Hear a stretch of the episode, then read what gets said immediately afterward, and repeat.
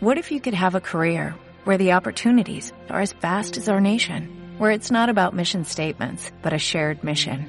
At U.S. Customs and Border Protection, we go beyond to protect more than borders, from ship to shore, air to ground, cities to local communities. CBP agents and officers are keeping people safe.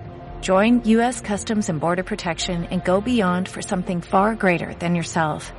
Learn more at cbp.gov/careers. Un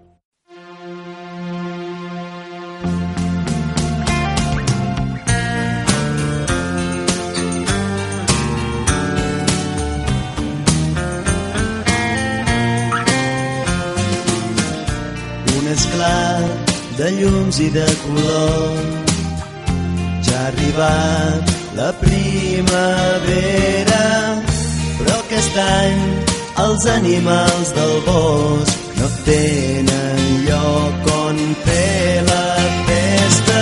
Han fugit del bosc a la ciutat han deixat el seu món enrere uns camins mai podran tornar. Una llar que han perdut per sempre. Cada cop ens prenen un tros més. Diu allò a les gazeles un Isaac es pregunta què han de fer. Perquè han cremat les seves terres? Han fugit del bosc a la ciutat. Han deixat el seu món enrere uns camins on mai podran tornar. Una llar que han perdut per sempre. Un gripau amb llàgrimes als ulls. Diu que cal tenir consciència que un descuit després el paguem tot. I juga amb foc, amb foc es crema han fugit del bosc a la ciutat. Han deixat el seu món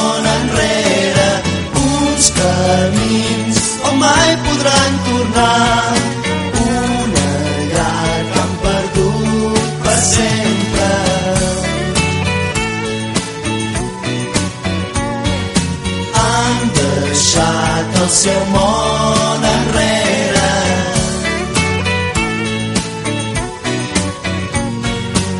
una llar que han perdut per sempre uh, per sempre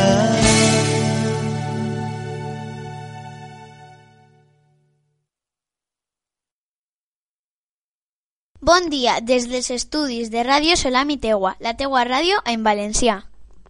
Bon dia i benvinguts al programa de la nostra ràdio dedicat als contes.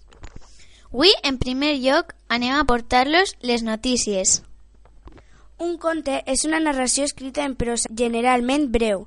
Els contes poden ser tant de caràcter fictici com real. El conte, és, en tant que gènere o subgènere literari, té les seves pròpies característiques. És una forma destacada dins de la narrativa breu i, a diferència de la novel·la, presenta una màxima concentració narrativa i una major intensitat.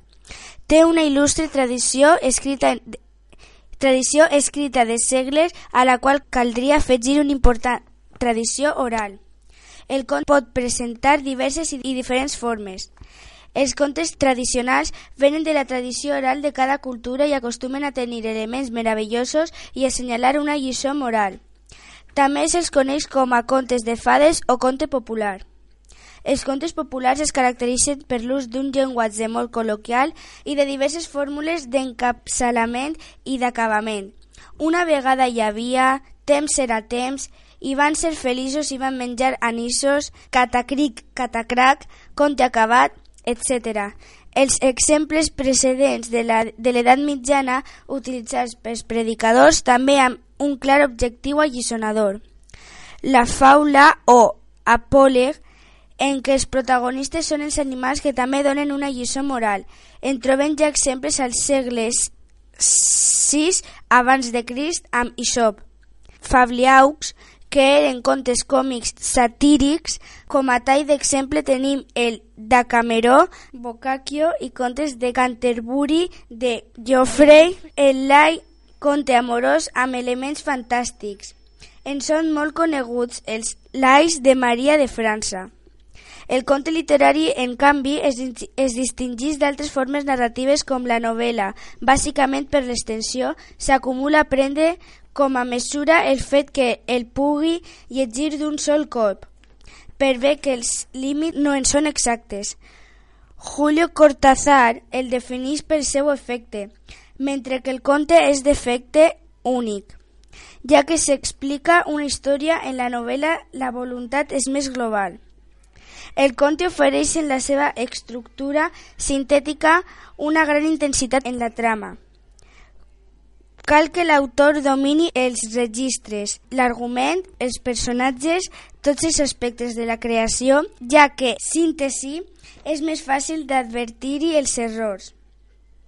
Per tant, el gènere demana més atenció i mestratge per part de l'escriptor i síntesi, el conte ha donat tot sovint mostres d'una rara i fascinant bellesa fruit de la meticulositat de l'autor. Amb tot, històricament, el conte ha estat una molt bona manera de perpetuar la tradició literària en temps de guerra, així com ho feia la poesia. La seva poca extensió facilitava la distribució clandestina en temps de guerra, com ara durant la Guerra Civil Espanyola o prohibició lingüística, per exemples, durant el règim dictatorial del franquisme. També l'exili ha tingut una gran importància. Puig, més fàcil de publicar contes que les novel·les. Era viable fe de fer-ho apareixen en revistes o petits facsímils més còmodament distribuïdes. En els contes inconviuen la presència de diversos estils narratius. Estil directe. La veu del personatge apareix reproduïda directament en el text, sense mediació d'un narrador. És la forma típica dels diàlegs o monòlegs.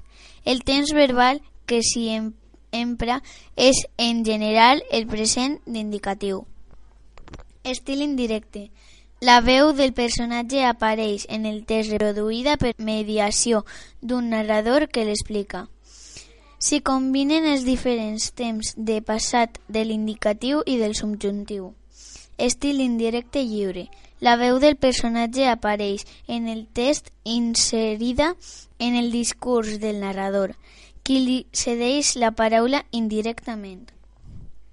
Cal tenir present que el pas de l'estil directe a l'estil indirecte implica una sèrie de canvis en la forma del text. El conte selecciona una sèrie de recursos discursius, la trama, la descripció i el diàleg. El conte, que es caracteritza per la seva brevetat, s'introdueix generalment amb un títol que anticipa algun aspecte significatiu de la narració o bé fa referència a un element important de la trama.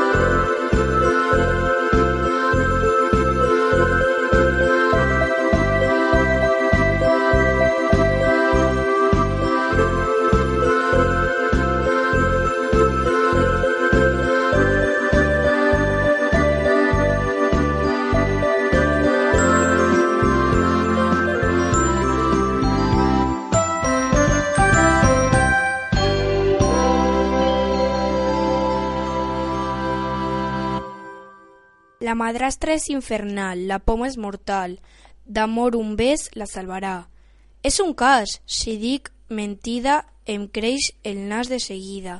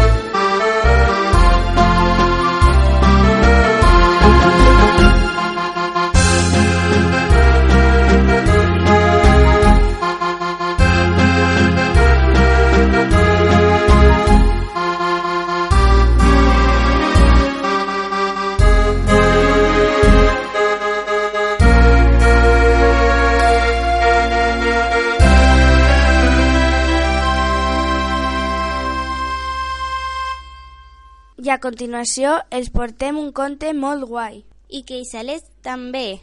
Això va anar i era un cas que va passar en la vila de Penàguila. Un cas gros i esgarrifador, per cert. Cal dir-vos de bestreta que aquesta vila és un racó de món. Un vell racó, això sí, enmig d'intricades, ombrienques i ensiglerades muntanyes. De vora el poble, davalla una costera vorejada d'oms gegantins i frondosos i al capdavall hi ha una font abundantíssima que trona pels seus vint i tants canonets de bronze i el llavador on fan les dones la bugada. De dia hi ha grans rastres de dones llevant, però les nits d'ençà que ve la tardor, soledat i misteri. Sols la remor de l'aigua i l'udol del vent en els oms de la baixada. No aneu de nit a llevar a la font, aconsellen les mares a les filles, perquè una volta, quan era joveneta, una nit de desembre que hi havia més d'un pam de neu gelada i relliscosa, Toneta, la de les alcolles, no va creure sa mare i va voler anar-hi a rentar una flaçada i un llençol. Eren les deu de la nit, tot era focs, com la gola de llop, i, quan va eixir del poble, encara que era algun volveta de neu, a l'arribar al primer on de la baixada li semblà que, entremig de la fresa que feia el vent en les branques despullades, sentia gemegar un infant. Això és un xiquet que plora per ací, va dir-se tota estranyada.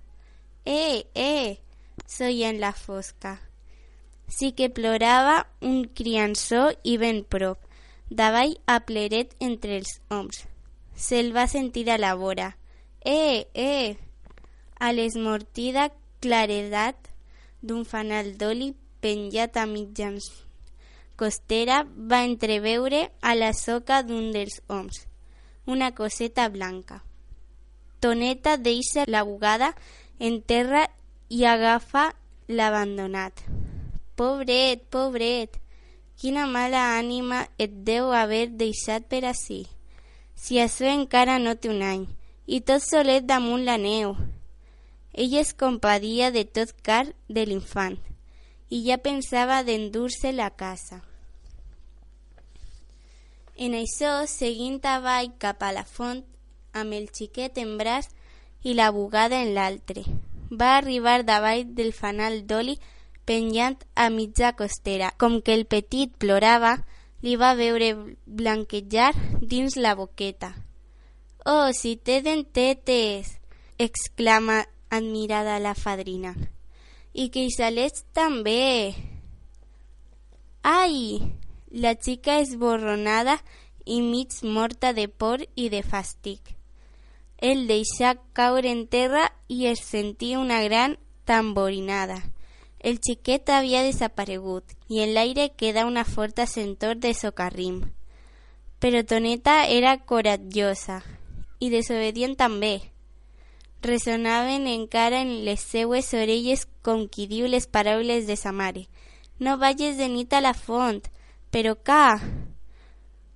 I de sobte, sense haver-la sentida arribar abans, va veure al seu costat una dona endolada, alta, flaca, molt flaca, que es va posar a plorar furiosament. A poc a poc, Toneta, que la guaitava de reull, anava perdent serenitat. Minuts després tremolava ja tota. Qui era aquella dona? No la coneixia per la figura. Semblava forastera. Escolte, bona dona, digué Toneta sense poder estar-se'n. La vellarda no va respondre, com si no l'hagués oïda. Quin fred que fa aquesta nit, que va proseguir Toneta. Res, la dona alta acostava cap i llevava tota furient. Escolte, escolte, bona dona, sap què m'ha passat venint? La dona alta tampoc no responia. Escolte, escolte, cridava ja anguniosa. He trobat un xiquet, un xiquet lletgíssim. No tenia encara un any i ja parlava. I m'ha mostrat uns queixalots. La dona alta per fi es va girar i en la seva cara tota d'ossos la fadrina va veure uns ulls horribles, com a braces. Aleshores li parlà l'endolada amb una veu que gelava la sang.